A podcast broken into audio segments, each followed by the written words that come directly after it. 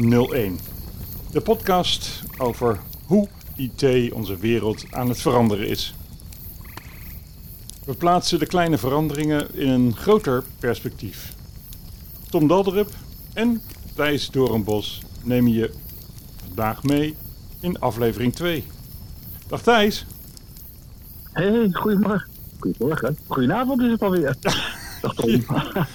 Je weet nooit wanneer iedereen luistert, hè? Dus het kan Nee, elk precies. moment Dus van het de dag zijn. kan, de hele, kan de hele dag door zijn. Ja. ja. Wat voor eh, Ja. houtjes eh, heb je op je kampvuur gegooid? Nou, eh, de heerlijke gedroogde uh, liedhout is het denk ik wat, er nu, eh, wat er nu brandt. Nee, dat, eh Het knip, dat, knettert dat doet goed. het goed. Het is, ja, knetteren juist niet. Het ruist mooi. Oh, oh, oh oké. Ja. ik heb geloof ik in mijn, in mijn bandjesarchief had ik alleen knetterende vuurtjes. ja. Nou, dat, dat doet er verder niet toe. Hey, maar leuk dat je er bent in, eh, in deze podcast. Eh, onze samenwerking eh, tussen AG Connect en de KNVI. Voor alle IT'ers en geïnteresseerden daarin. En eh, ja, we beginnen met wat ons eh, opgevallen is hè, in, eh, in, eh, in, in, de- in de IT-wereld. Wat, eh, wat viel jou onlangs op? Ja. Nou ja, allereerst eh eh, eh, ontzettend leuk initiatief van je, Tom. Want uiteindelijk ben jij natuurlijk toch degene die weer de, grote, de grote roerganger is. dus dat wil ik in eerste instantie gezegd hebben. Ehm, eh, ja, nou, ehm, wat mij de laatste tijd erg opviel... was een interview wat ik heb gehad met de, de CTO, dus de, de Chief Technology Officer van, van Shell, Jury Sebrechts. En die, die vertelde mij heel veel dingen. eh, maar wat ik vooral erg leuk vond, was dat hij. eh, eh, nou ja, dat er uit dat gesprek bleek dat, dat kunstmatige intelligentie en met name machine vision een ontzettend grote rol speelt bij, bij Shell. Wat mij vooral opviel was dat, ehm, ja, weet je, als je aan, ehm, aan, aan Shell denkt, dan denk ik in ieder geval niet zo heel snel aan innovatie op het gebied van, van IT. Dan denk je aan ja, platformen en, en, en eh olieraffinaderijen en, en geologie en nou ja, allemaal dat soort dingen, weet je. Dat, eh, Mhm. maar niet zo, snel, niet zo snel aan IT. En, ehm, maar daar konden we ontzettend leuk over vertellen. En eh één ding wat mij, ja, wat mij opviel, wat ik, wat ik eruit oppikte, was dat, dat zij bijvoorbeeld ook machine vision gebruiken om nou ja, de, de voorraden in hun magazijnen eh, eh, in kaart te brengen. Dus Oké, en, en hoe, van, hoe hielp hun dat dan? Nou, eh, ik, ik zei dus ook tegen hem van, ja, maar we hebben toch allemaal barcodes en, en RFID-chips, dat, dat is toch hè, wat nieuw is. Maar toen zei hij van, ja, maar die dingen, die moet je, die moet je allemaal aanbrengen. Hè? Dat is allemaal nou, werk wat je moet doen en, en, en ook weer uitlezen. Als je met een camera gewoon eh, langs de schappen gaat, zeg maar, en je kunt die beelden eh, analyseren, nou, dan heb je, hè, als het allemaal automatisch gaat met, een, eh, met, beeldherkenning, ja, dan, dan kun je gewoon permanent dat in de gaten houden. Dat is niet overigens alleen bij, bij magazijnen dat ze dat deden, maar hij had het bijvoorbeeld ook over grote olievelden in, in, in de Verenigde Staten. Mhm. Die, die, die die, die wells, die liggen allemaal eindeloos ver uit elkaar. Wat, wat nu gebeurt is dat er ja, gewoon een team, dat, dat rijdt al die, al die jaarknikkers af om te inspecteren of het wel goed gaat. Nou, als je op een gegeven moment een drone eh, gewoon langs kan rijden of permanent een cameraatje eh, in, in de, rondom zo'n ding kan laten rijden en je analyseert automatisch die beelden, dat scheelt natuurlijk waanzinnig aan, eh, aan kilometers en aan, aan menskracht. En, nou, dat vond ik wel heel leuk. Ja, vond ik heel leuk. fantastisch. Die, eh, fantastisch. ja. Mooi, mooi om met eh, beeldherkenning zo eh, eigenlijk een nieuwe toepassing te vinden. Dus door de beelden Ja. te analyseren en daaruit informatie te halen in plaats van allerlei handwerk. Ja, ja, inderdaad. En ja, we dachten laatst op de redactie van... hè, laten we eens kijken of er meer bedrijven zijn die dat op die manier doen. Dus eh, nou, wat, wat mensen gebeld eh, en, eh, en, en ook wat hoogleraren die bezig zijn met machine vision. En die zeggen allemaal van, ja, ja, ja, nou, het, ja, interessante toepassing. Maar nou, daar zijn we nog niet echt mee bezig. Dat lijkt me wel erg voor de troepen uitlopen. Dus nou ja, dat gaf wel aan dat, dat Shell wat dat betreft ook echt op het, op het innovatievlak zit op, op, het idee, op het ideegebied. Ja, ja. het uh, triggert mij in, in de, de visite die ik aan Beijing gebracht heb uh, en en daar, daar, daar hadden ze het uh, over uh, camera's die dus op kruispunten gericht stonden. Die dus oh ja. automatisch konden analyseren of er een verkeersongeval gebeurd was. En, oh ja. Ja. en, en dan konden ze ook gelijk de hulptroepen aangeven vanaf welke richting ze het beste konden aanrijden. In die zin oh, okay. is die, die, die, vision, machine vision, dat is wel een mhm. dingetje. Dat gaat wel, uh, wel steeds meer uh, een rol spelen. Nou, ik, uh, ik zie dat we alweer... Wat, we zijn alweer zes minuten oh, onderweg, ja. dus wij moeten door naar oh, het jee. volgende onderwerp.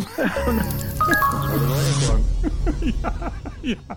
ja, precies, zo snel gaat dat. Hè. Uh, we hadden als tweede onderdeel hadden wij bedacht uh, dat uh, je bent met je redactie druk bezig om een mooi blad te maken. En je hebt daar onlangs gesproken met een Nederlands bedrijf.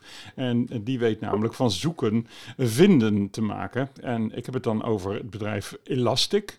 En Elastic heeft niet als Google de neiging om het web doorzoekbaar te maken, maar gaat juist tekeer binnen je eigen netwerk en uh, vindt daar uh, wat Google niet kan vinden.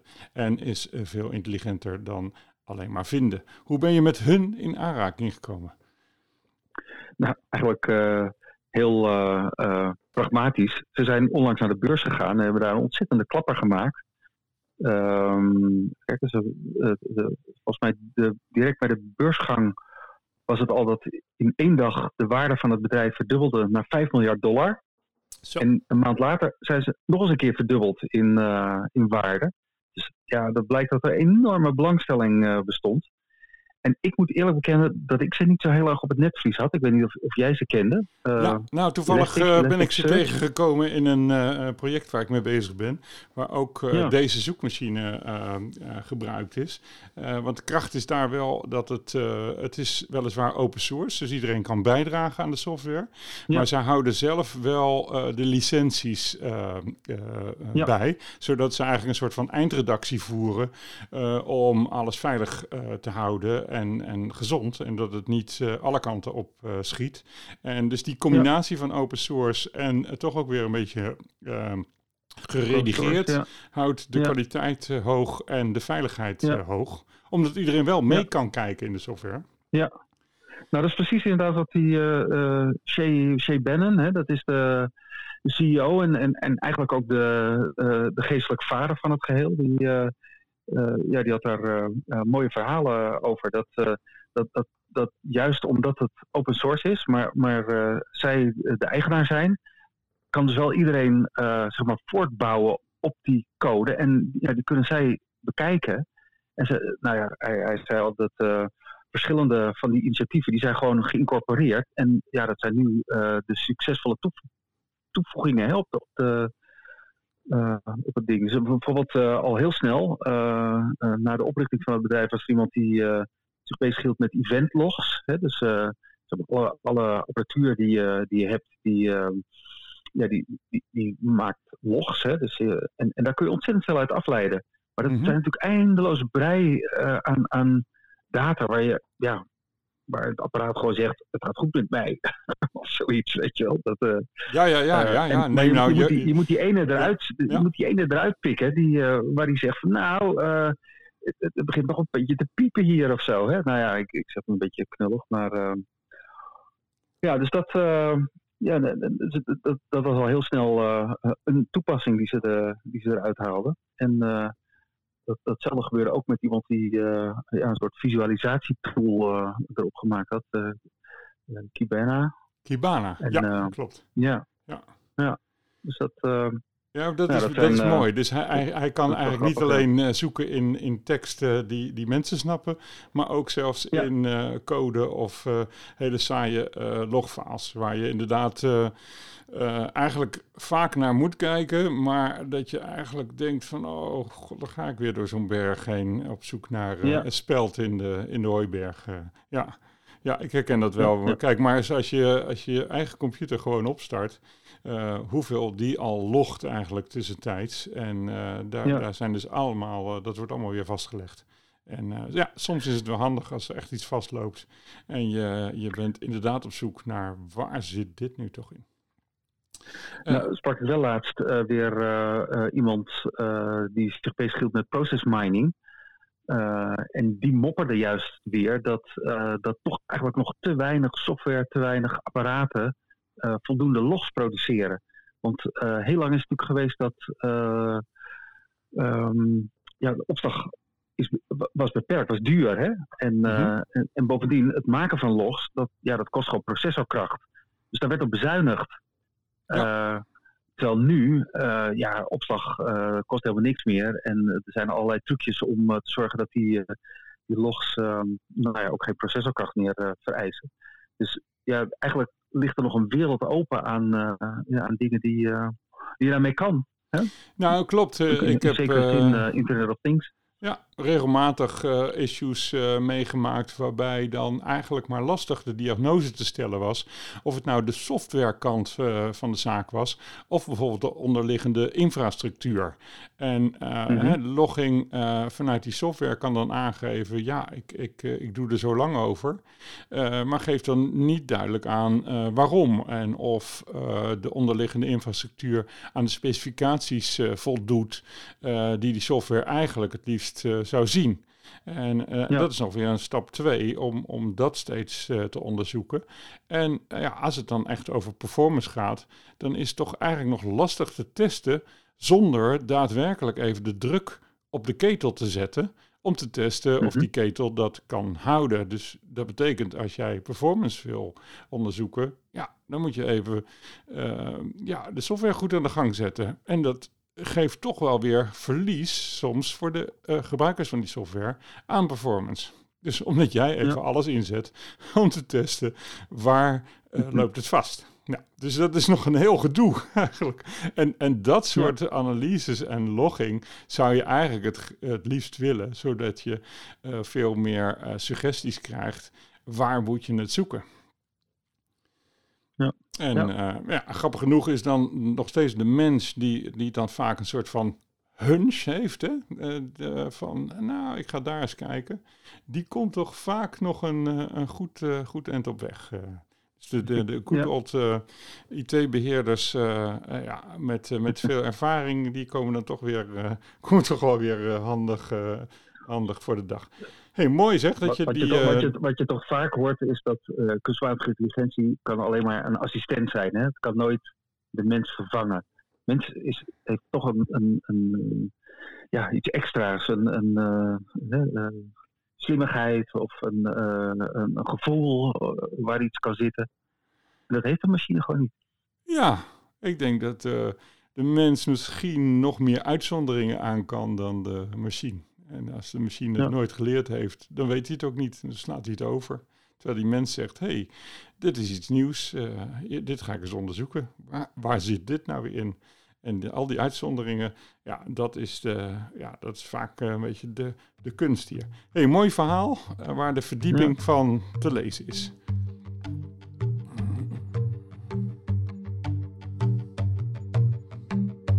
Ja, en dan komen we weer op een, uh, even, een, even een wat lastiger onderwerp. Hoewel dat, dat zoeken is natuurlijk wel ideaal als je straks echt uh, wil vinden binnen jouw organisatie. Maar het lastige onderwerp van, uh, van, van deze podcast is eigenlijk, ja, daar proberen we eigenlijk een IT-debakel bij de kop te pakken. om eens te kijken hoe bedrijven daarachter zijn gekomen en hoe wij daar met z'n allen lessen uit kunnen trekken. En eigenlijk zit hier, uh, zit hier wel een interessant uh, verhaal achter. Want um, onlangs is in München op een security uh, conferentie. kwam ineens Vice President Pence op bezoek. ik denk, wat moet die nou op een security conferentie? Maar die, die gaf toch een duidelijke waarschuwing af um, aan eigenlijk zijn bondgenoot hier in Europa. Om waakzaam te zijn. En hij hij sprak heel expliciet over uh, Huawei, uh, die als mogelijke uh, 5G-leveranciers wel eens een soort van paard van Troje zou kunnen zijn. als Huawei, die met zo'n 5G-netwerk, de opvolger van de huidige telefonie-datadiensten, dat die straks alle IT-middelen ook aan elkaar gaat, gaat knopen. Hoe, hoe sta jij daar eigenlijk in? Ja, het is, uh, het is heel lastig. Niemand weet uh, exact wat Huawei uh, doet. Hè? en en erg nog, wat, wat de Chinezen doen bij Huawei. want de, de, de, algemene directeur van, van Huawei die, die zegt altijd: Nou, er is niks aan de hand. Wij zijn niet, hè, we, staan niet onder invloed van de Chinese overheid. Maar ja, wie ga je op zijn blauwe ogen vertrouwen? Nou, ze zullen niet blauw zijn, denk ik, van, van hem. Maar. Um, dus Huawei ja, heeft wel een hele bijzondere positie in de markt. Hè. Het, het, bedrijf is natuurlijk in, in een redelijk korte tijd, uh, naar zeg een jaar of 10, 15, uh, van, van een kopieerder hè, uh, gegaan naar, naar een die toch al aan, aan, de, aan, de, aan het front van de ontwikkeling staat.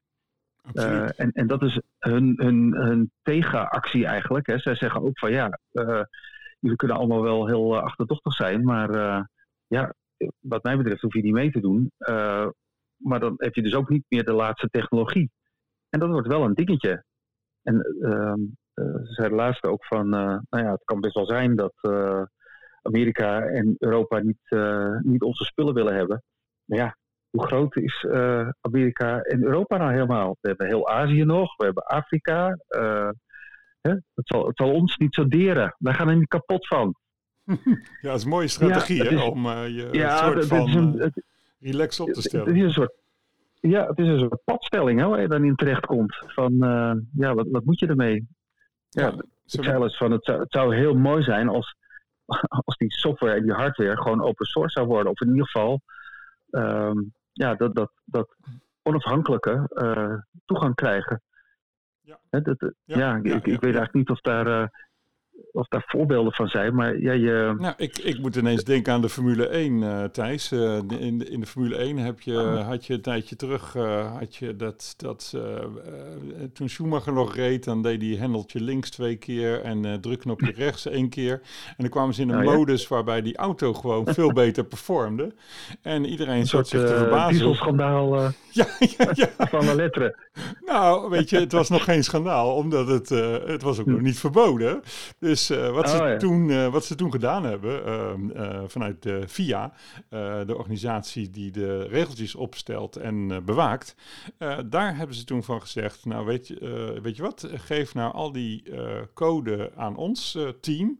En geef ze dan zo dat ze nog niet uh, uh, het, zijn. Dus dat ze nog niet onleesbaar zijn, maar geef de originele code.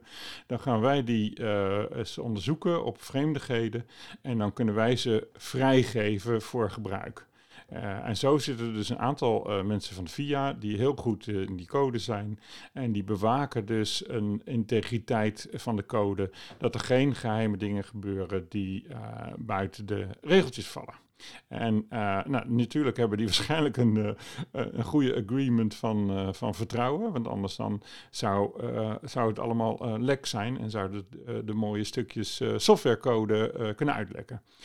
dus zo'n, zo'n, zo'n, zeg maar, zo'n man in de middel die, die vertrouwen geniet als controlerend orgaan. Is dat iets? Ja, nou ja, dat zou, dat zou wel iets, iets zijn, denk ik. ja. Ja. Ik denk dat, uh, dat Huawei daar zelf nu ook een beetje aan denken. Want ze, uh, kijk, zij willen natuurlijk al die markten die ze aan de ene kant zeggen van nou, dat hebben we misschien helemaal niet zo heel erg nodig. Willen ze toch al wel heel graag bij hebben. Want uh, op het Mobile World Congress uh, onlangs kondigen ze al aan dat, dat zelfs in Nederland nu een, een lab geopend wordt in een onderzoekscentrum.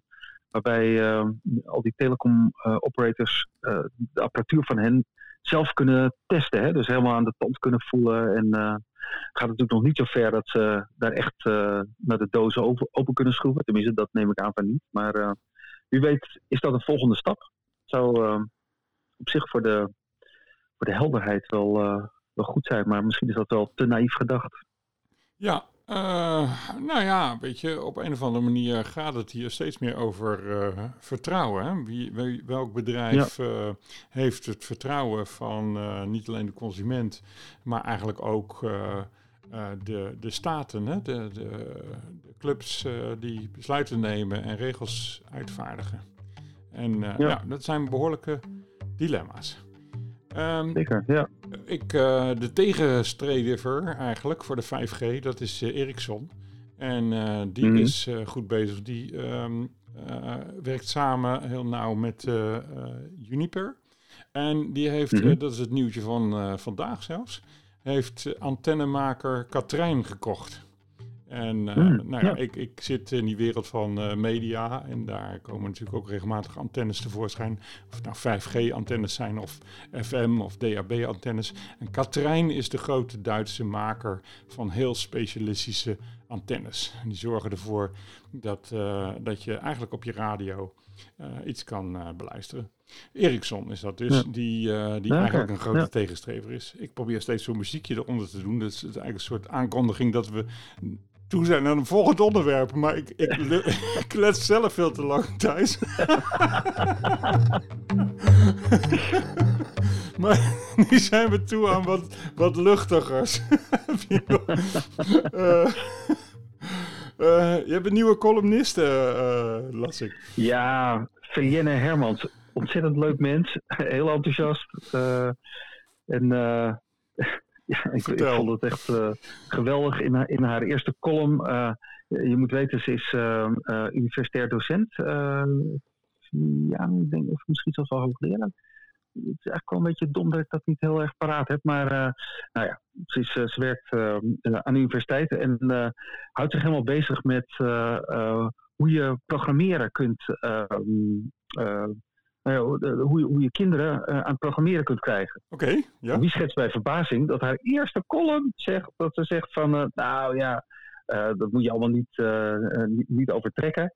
we zeggen toch ook niet dat Lizzie al op haar dertiende een hamster opereerde, of Sam kende al op zijn veertiende het verschil tussen de vaste en vlottende activa. Dus ja, zij, zij heeft eigenlijk zoiets van wat een flauwekul, hè? Dat, dat, dat iedereen het maar heeft over uh, dat, dat kinderen al, uh, nou ja, uh, nog voor de basisschool eigenlijk zouden moeten leren programmeren op een of andere manier. Um, want, nou ja, als je op je achttiende begint, dat is vroeg genoeg. Je kan ook chirurg worden als je Um, ik, uh, ik moet ineens denken, uh, dat is wel uh, bijna materiaal voor iets in de luizenmoeder. denk je ook niet? Ja, precies, ja. Zo, er komt weer even een jingle invliegen. Dat betekent dat wij het gaan hebben over, over mensen en, en, en opleidingen. jullie hebben net een onderzoek verricht rondom hoe het gaat met IT'ers en opleiding. Uh, kun je daar iets uit, uh, uit loslaten? Ja, nou, ja, het, het, is natuurlijk eigenlijk allemaal uh, gepubliceerd inmiddels. Maar dat, ik, ik vind het dus een hele bijzondere constatering. Nou, iedereen weet natuurlijk, IT is een, een waanzinnig dynamisch vak. Hè? Je, je, moet permanent bijblijven, want anders verlies je het gewoon. Hè? Dat is, en ja, ik, ik weet ook eigenlijk niet anders dan dat uh, detacheerders, hè, gedetacheerde uh, door hun opdrachtgevers eh, voortdurend weer op cursus gestuurd worden. Want nou ja, dat cv dat moet maar aangevuld worden en aangevuld worden. Mhm. En toch zegt nu uh, tussen de 30, uh, nee sorry, ik, ik zeg het niet verkeerd, zegt ehm, de, bijna de, ja, bijna de, bijna de helft van de, van de mensen die ehm, uh, een cursus gevolgd hebben het afgelopen jaar. Mm Zegt wat gedaan te hebben om soft skills te verbeteren. Uh, nou, we weten al een tijdje dat, uh, dat soft skills wel belangrijk zijn. Maar dat het zo belangrijk is, ik, ik, denk toch altijd bij opleidingen dat je ik veel talen leert of misschien een nieuwe ontwikkeltechnologie of nou, dingen in de zin van, van agile, agile werken. Um, maar nee, ehm, een, groot deel zegt dus, uh, ja, het zijn vooral de, de soft skills. Um, en, en, niet zozeer het, het, verbreden of verdiepen van de IT-kennis. Uh, ja. Sterker nog, um, dat verdiepen en verbreden, dat was gewoon samen, hè, die twee samen, dat, was gewoon minder dan nou, de, de, de, de hang om soft skills te verbeteren. Ja, oké. Ik Weet je wat ik me kan voorstellen? is dat het agile werken op zich, dat dat ook uh, verandering vraagt, juist in die soft skills. Zeker, ja. ja. Je gaat natuurlijk steeds meer met mensen, met, met andere mensen werken. Hè? Je, waar je vroeger uh, met, met, alleen met andere IT'ers werkte. En dan waarschijnlijk al heel snel aanvoelde van, uh, oh hé, hey, ik moet, we gaan die kant op, we gaan die kant op. Hè? Iedereen is met een half woord, heeft daar een half woord genoeg. Maar nu moet je opeens met mensen uit de business werken. Of, uh, nou ja. Uh, Precies. Ja. Mensen, met, mensen uit met allerlei disciplines. En ja, die zitten doorgaans ook wat anders in elkaar. Hè? Die uh, zijn gevoeliger op andere punten. Dus ja, ik kan me heel goed voorstellen dat dat een, een, ja, een nieuw. Ja, een ook, skill ook, is die, die je eigen denken in kortere uh, uh, tijdseenheden. Dus dat je zegt, jongens, dat is dan eh, volgende week klaar, of over twee weken, of over drie weken. Zo'n zo'n kortere sequence. Eh, maar ook, denk ik, de, het feit dat er niet een helemaal uitgedokterd plan is voor uh, de komende maanden, maar dat je echt uh, van de ene naar de andere uh, stap gaat en dat je dus ook wel eens vaker dan voorheen ook even een stapje terug maakt of een, of een stapje een zijstapje ja. maakt. terwijl voorheen in de waterval aanpak dat je eigenlijk veel meer planmatig kon werken, omdat je het eindproduct veel scherper nog in beeld had dan vandaag de dag. Ja. Ja, dus ik, ik denk dat je, dat je bijna voor, met jezelf ook weer moet leren omgaan. Als we het over die soft hebben. Ja. ja. Ik, uh, maar wat, ik, wat ik ook opmerkelijk vond was, hè, dat, terwijl we dus zo gewend zijn aan die uh, eh, IT-opleidingen voor IT'ers, is uh, dat, dat eigenlijk het, het merendeel van de mensen aangeeft dat er een enorme spanning zit tussen de, de, de tijd die beschikbaar is om de cursus te doen en behoefte aan cursussen. Hè. Dus er is een grote behoefte aan cursussen. Iedereen zegt eigenlijk, uh, ja, ik krijg eigenlijk van mijn werkgever gewoon niet of te weinig tijd om dat, uh, om dat nog te doen. En okay. dat, uh, ja. nou, dat, dat, dat is natuurlijk wel, dat is wel een probleem, denk ik, op een gegeven moment. Het heeft natuurlijk van alles te maken met het feit dat er enorme druk staat op die arbeidsmarkt. Hè, dat mm -hmm. er te weinig specialisten zijn. Dus ja, iedereen die er is, die, die wordt ingezet. Maar daardoor schiet er natuurlijk te weinig tijd over om, uh, ja, om, om, dit soort dingen te doen. Ja. ja, terwijl dat natuurlijk op termijn weer een uh, issue op gaat leveren. Een probleem, ja. Ja. ja. ja. Oh, dat is een mooi spanningsveld, ja. Ja, de vraag is natuurlijk ook van uh, hoeveel extra investering wil je doen in jezelf naast je baan? Ja, en dat, uh, dat is nog een ander uh, issue. En moet dat allemaal van de werkgever komen? Nou, doorgaans in de IT is dat niet heel erg de norm om dat echt volledig op de werkgever uh, terug te leggen. Dus die, nee, balans. In dit onderzoek kwam dat, dat tussen de 30 en de 40 procent. Um, nou ja, de, de, um, door, door de werkgever betaald werd. Oké, okay. ja. ja. Maar dat is dan de betaling de tijd of in de, in, in, in de cursus geld? Nee, de, de, ja, in, in geld, ja. Oké, okay, dus, het cursusgeld wordt voor 30% door de werkgever betaald. Ja. En er zijn ook nog ja. zat die dus zelf ook de trainingen betalen. En dan hebben we het nog niet eens over de tijd die je ter beschikking krijgt. Ja, precies. Ja. Oké, dus uh, als je ja. eigenlijk als je, als je niet in jezelf blijft investeren, dan, uh, ja, dan ben je op een gegeven moment uitgespeeld waarschijnlijk. Ja. Grappig is dat dat uh, in de IT eigenlijk nog, nog redelijk bekend is. maar op een heleboel andere vlakken in de business zitten nog heel veel mensen, naar mijn idee, die ik in ieder geval tegenkom, die denken van nou, ik heb ooit het vak geleerd en ik beoefen dat nu al 15, 20 jaar. En mm -hmm. nou, dan komt, uh, dan komt er zo'n uh, projectleider langs en die zegt, nou, dit kan wel eigenlijk een stukje handiger. we zoeken eens wat technologie erbij. En dan verandert ineens hun baan. Hè? Zie nou hoe dat in de banken gaat bijvoorbeeld. En ja. volgens mij schrikken die zich een hoedje. Ja. terwijl het eigenlijk, eigenlijk, eigenlijk is het natuurlijk enorm voorspelbaar. Ja, zeker. ja. Dus ik, ik, ik vind en, en uiteindelijk worden natuurlijk steeds meer functies worden ook, uh, uh, krijgen ook een IT-gehalte. Hè? De, met, met, de hele low-code en no-code softwareontwikkeling krijg je natuurlijk steeds meer dat die business erbij betrokken wordt. Hè? Nou ja, sowieso in, in Scrum teams, agile werkwijze, wordt de business steeds meer betrokken bij het ontwikkelen van nieuwe software. En ja. Dus, dus mensen die, die altijd hun eigen ding gedaan hebben, worden opeens toch geacht om ook zich over dit soort dingen te, te buigen. Ja, en, ja nou, ik, dan, ik vind het ook een beetje in scholen, denk ik. Ja, ik vind het heel prettig als uh, mensen uit de praktijk uh, voor een deel van hun tijd uh, dingen doen als functioneel beheer, bijvoorbeeld. Omdat ze dan mhm.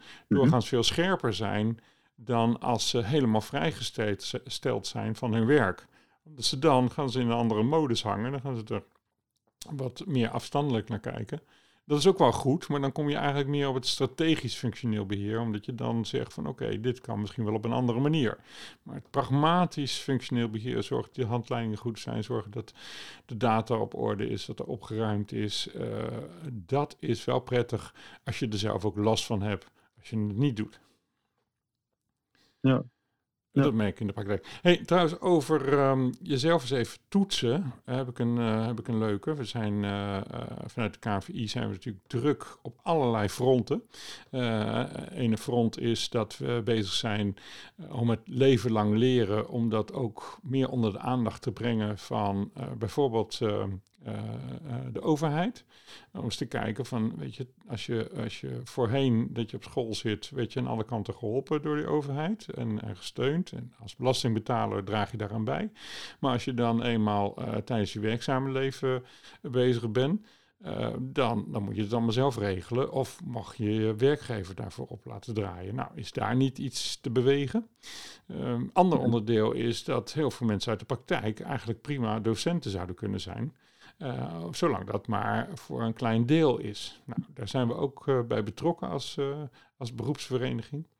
maar de meest praktische voor nu is misschien wel um, hoe leer ik nou mezelf beter kennen. En um, we zijn een tijdje terug zijn we iemand tegen het lijf gelopen die daar eigenlijk via uh, machine learning heeft hij een systeempje gemaakt waarbij je dus je cv kan uploaden. En dan krijg je terug uh, jouw profiel in de vorm van een Europees competentieframework, het ECF. Oké, okay.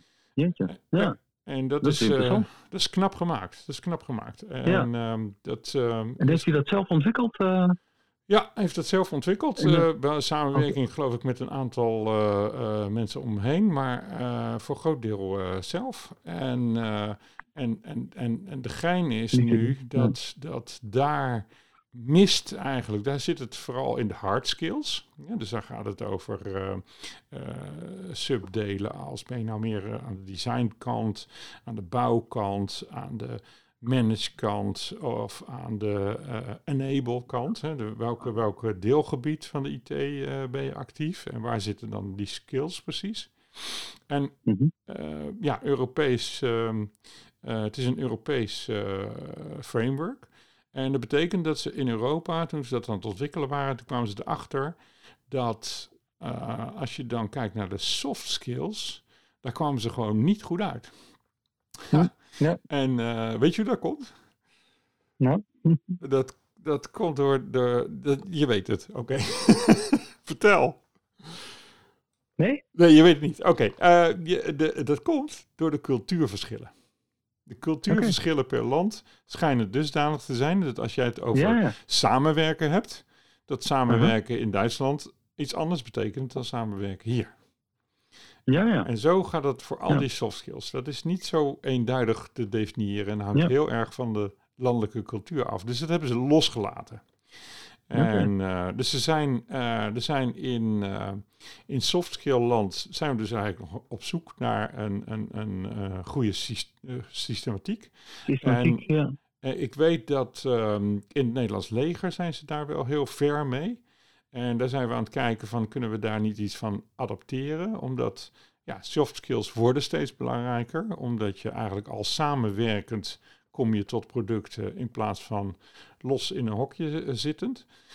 dus die soft skills worden belangrijker. En ehm, die Paul Willocks, waar ik het over heb, die heeft daar ook iets mhm. voor bedacht. Dus die heeft ook in die analyse, die je zelf kan laten doen. En dat is heel simpel. Je, kijkt gewoon even op de website van hem. Dat heet ict-mastery met een y.eu. Ik zet het ook in de show notes. Dus dan, uh, uh, dan moet ik toch even kijken hoe dat überhaupt werkt. Dat is voor mij ook even nieuw. Maar ik ga het op een of andere manier erin prutsen. Dan kun je die link ook uh, terug vinden. En wat hij dus doet, hij, hij noemt dat de Big Five.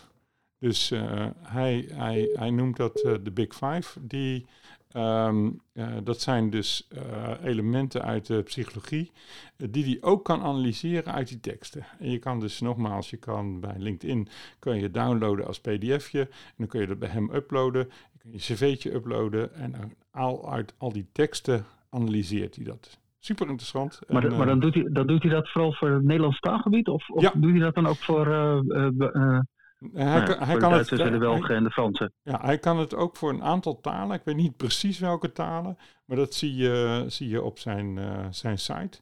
En daar geeft hij ook aan. Nou, ik bedoel eigenlijk meer voor de, voor, voor de culturen, hè? want je hebt natuurlijk uh, Franse. Uh, ik kan me voorstellen dat, dat de Franse LinkedIn er ook veel in het Engels staat. Mm -hmm. Maar dan heb je natuurlijk wel met de Franse cultuur te maken. En, en, en dus de Franse manieren van samenwerken en soft skills. Pakt hij dat ook mee? Kan, kan hij daar ook iets mee? Of, of is het echt op, op, op Nederland gericht? Um, hij is begonnen in Nederland, maar hij, hij hm. is zich ook aan het verbreden. Dus hij heeft een aantal talen. En Frans uh, zit er ook bij. En ik weet niet zeker of hij ook in het Frans ook die soft skills kant uh, erbij heeft uh, gepakt. Maar ik ga dat uitzoeken, daar kom ik volgende okay. keer op terug. Ja. Zullen we het zo doen? Leuk, ja. Ja? ja. Oké, okay, nou, supergoed. Um, dat is... Uh, laatste blokje uh, waar, waar, we aan toe zijn, is eigenlijk waar, uh, wat we, we, ook wilden bespreken, is waar zijn we eigenlijk naar op jacht? Waar gaat het naartoe? Ja, ja. Nou, we, we, hebben in, in AgriConnect ehm, altijd IT-studies, waar, ehm, waar we wat dieper op materie ingaan. En dat is deze keer helemaal gewijd aan aan ethiek. Want eh, ja, ethiek uh, wordt, wordt er eigenlijk steeds belangrijker. Hè, voor, uh, het is niet meer voldoende om, om, om, ergens een ethicus rond te hebben lopen die, die af en toe eens even kijkt naar, naar, naar, naar, iets heel gevoeligs voor, noem maar iets, bij de politie of zo. Mhm. Eigenlijk krijg je dat in steeds meer software um, ja, ethische afwegingen een rol spelen. En dat, ja, dus, dus de vraag is eigenlijk, hoe, hoe kom je tot maatschappelijk verantwoorde IT? En, en wie is daar verantwoordelijk voor dat dat gebeurt? Hè? Dus hoe zet je uh, robots in op een verantwoorde wijze bij het, bij het onderwijs? Maar uh, ja, ook uh, hoe voorkom je ongelukken met AI en wie, en wie is dan verantwoordelijk? Hè? Bijvoorbeeld zelfrijdende auto's is natuurlijk zo'n bekend voorbeeld. Hè? Met de, als de zelfrijdende auto ergens op afrijdt uh, en, en, op een zebrapad uh, rijdt hij een paar mensen dood. Uh, hè? Of mm -hmm. als hij uit gaat wijken, eh, komt hij tegen de muur aan en dan gaan alle inzittenden in de auto dood. Ja. Wat moet de auto doen? Ja. Dat, zijn, dat, zijn, de bekende dilemma's, maar ja, op veel kleiner, hè, veel, veel, nou, veel dichterbij heb je natuurlijk ook allemaal dat ja. soort afwegingen. Dus eigenlijk uh, ja, is toch het idee van uh, ontwikkelaars en, en uh, nou, leden van Scrum teams um, zouden ja. zelf meer verantwoordelijk moeten, verantwoordelijkheid moeten nemen bij het nemen van, van ethische afwegingen. Ja, we zijn wel eens aan het en, denken in onze beroepsgroep over hoe, hoe vlieg je dat aan. En we hebben verschillende ehm, uh, aanpakken daarvoor uh, gekozen tot nu toe. We hebben al gezeten met een aantal professoren uh, en ook Kamerleden om eens te kijken van is daar tractie op een of andere manier op. En dat, dat leidt wel tot, tot enige stappen. Heel concreet is het nog niet. Een andere lijn mm-hmm. waar we aan zitten te denken is um, als je nou in zo'n Scrum team zit en je loopt ergens tegenaan hoe kun je dat dan, hoe kun je, hoe kun je daarmee omgaan? En, en kun jij bijvoorbeeld, uh, daar denk ik wel eens over na, kun je net als een arts zeggen, dat doe ik niet. Omdat het niet in, in belang is van. ja. ja. Ja, en, mhm. en, en dus, dus de, de gedachte is daarover om een soort van code of conduct te ontwikkelen. Uh, Of dat, dat een, een route is. Uh, we weten het nog niet, maar we, we, we denken wel na of en hoe we hier het handigst mee om kunnen gaan. Hoe, hoe helpen we elkaar daarin? Dus die Heb jij wel eens, uh, hebben, jullie, hebben jullie in dat kader wel eens gesproken met, met Anna Snel van de FUCA Academie? Van volatile, uncertain, complex, ambiguous? Nee, nee, Nee, dat does not ring a bell. Uh, maar ik ben wel uh, nieuwsgierig. Ja, zij is daar... Uh, ja, zij heeft die, die, die academy opgericht hè, met, om, om nou ja, na te denken over dit soort complexe verander- en innovatievraagstukken in het informatietijdperk. Mm -hmm. En nou ja, zij, zij, zegt dus in, in AG Connect dat ja, eigenlijk IT'ers, softwareontwikkelaars, zouden eigenlijk zich wat bescheidener op moeten stellen en en eigenlijk nog veel meer uh, ja, de mens centraal moeten stellen. Hè? En, mhm. en, en, dit soort afwegingen dan uh, uh, maken. Ehm, ja, de, nou ja, een voorbeeld is natuurlijk design thinking, waarbij natuurlijk ook al, al veel meer de mens centraal komt te staan en de, ja, de, de het hele ontwikkelteam zich daarop richt. Daar komen dit soort vraagstukken natuurlijk aan de orde. En ja, daar zou zo'n zo'n code of conduct natuurlijk uh, uitstekend uh, bij passen, denk ik. Nou, zeker. Uh, ons, ons lid ehm, Leon Dolmen, die heeft zich bezig gehouden met een aantal ronde tafelgesprekken. En op 6 maart aanstaande is er een specifieke sessie over, over het kritisch, open en ethisch redeneren. Uh, en uh, op, de, op de website knvi.nl uh, vind je daar alles over. dus ja. ja. we proberen wel waar we kunnen het gesprek aan te gaan om te kijken of we daar stappen verder in, in kunnen zetten. omdat we dat ook wel voelen. En dat we misschien ja. soms op sommige vlakken juist de business, dat die wat coaching nodig heeft om dit issue op tafel te krijgen omdat anders, uh, weet je, dan gaat de winst even voor of zo. Nou, dat zou zonde zijn. Ja. Als dat later tot ongelukken gaat leiden. Ja, ja zo hard leerschool dan, hè? Ja, ja, ja, ja. ja. Mhm.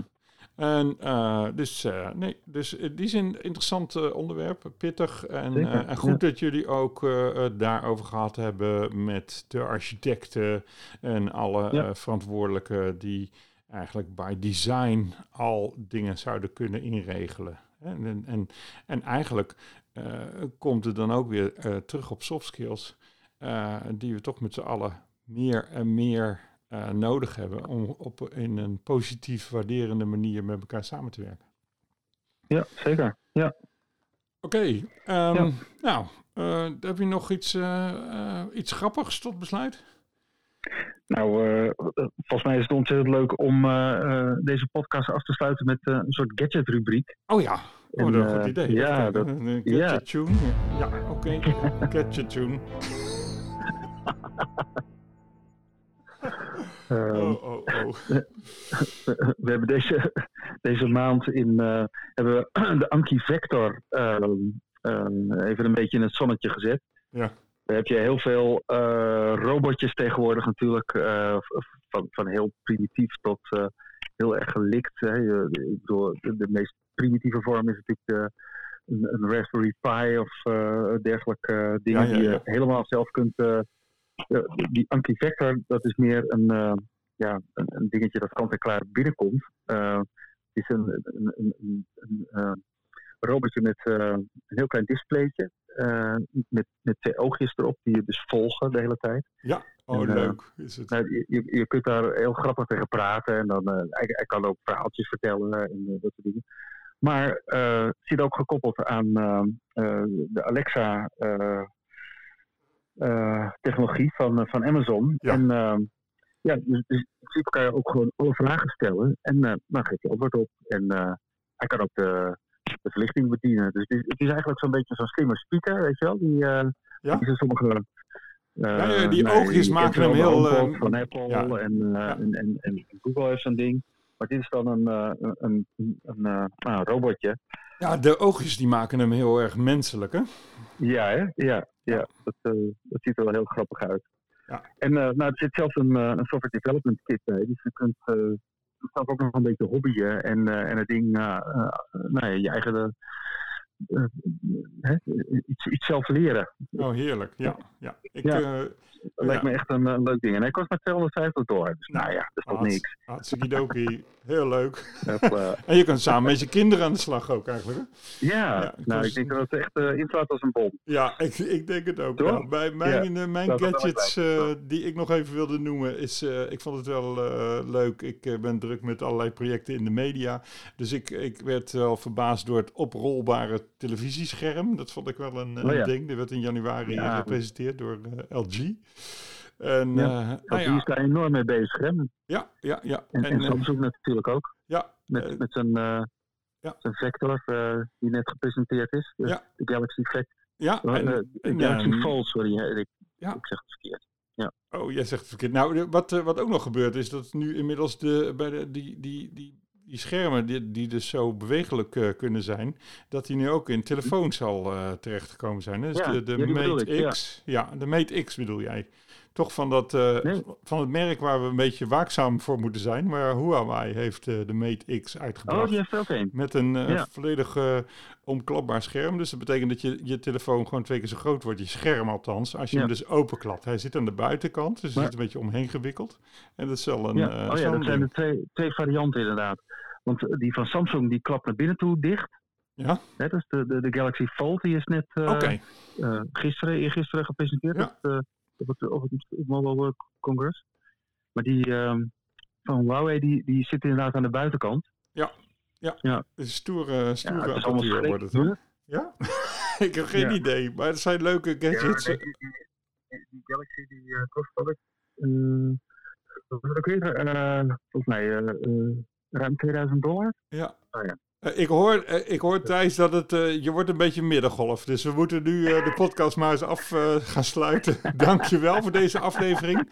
Wij verwachten ja, nou, terug ook, te zijn half maart ongeveer. Hè? Ja, zeker. Oké, okay. ja. dankjewel voor vandaag. Oké, okay, luisteraars. Ja, uh, fijn als je het uh, zo lang volgehouden hebt. Uh, de podcast is al bijna 50 minuten. en nou, volgende keer doen we het misschien iets korter. we gaan eens kijken of dat ons lukt. Tot volgende keer.